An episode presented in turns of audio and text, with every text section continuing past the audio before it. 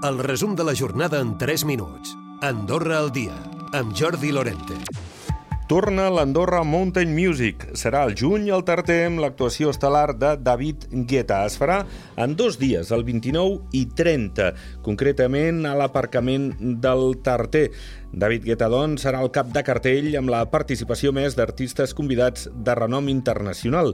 També faran una altra aposta al Campionat Mundial de Youtubers. Es tracta d'una iniciativa impulsada per en Peter, que ha assegurat que serà l'esdeveniment de gaming més gran del món en llengua castellana. També esperen que l'aforament pugui ampliar-se fins a les 12.000 persones. Cada dia serien en total 24.000. Brian Cross és organitzador i DJ.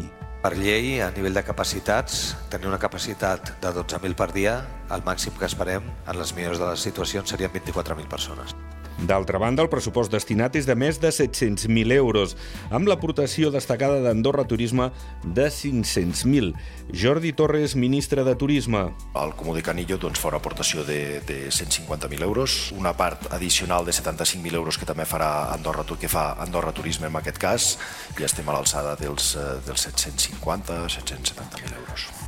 29 i 30 de juny al Tarter aquest Andorra Mountain Music. I no hi ha acord entre la patronal i els sindicats per la pujada salarial per l'any que ve.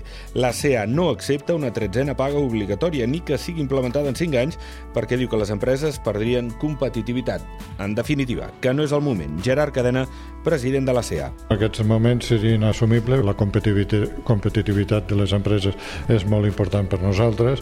El fet de que això fa incrementar eh, diguem, tot, tots el, els, els, els salaris i per tant eh, tot això fa que, que creixi més la, la inflació i per tant doncs, eh, vull dir, entenem de que en aquests moments seria bo de tindre una moderació el director general de l'Institut Nacional de l'Habitatge, Josep Maria Pla, diu que les mesures que vol prendre el Consell General i el Govern en l'àmbit de l'habitatge van en la bona línia.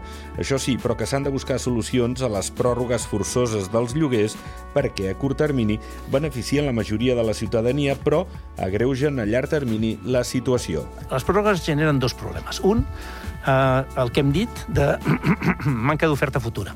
No?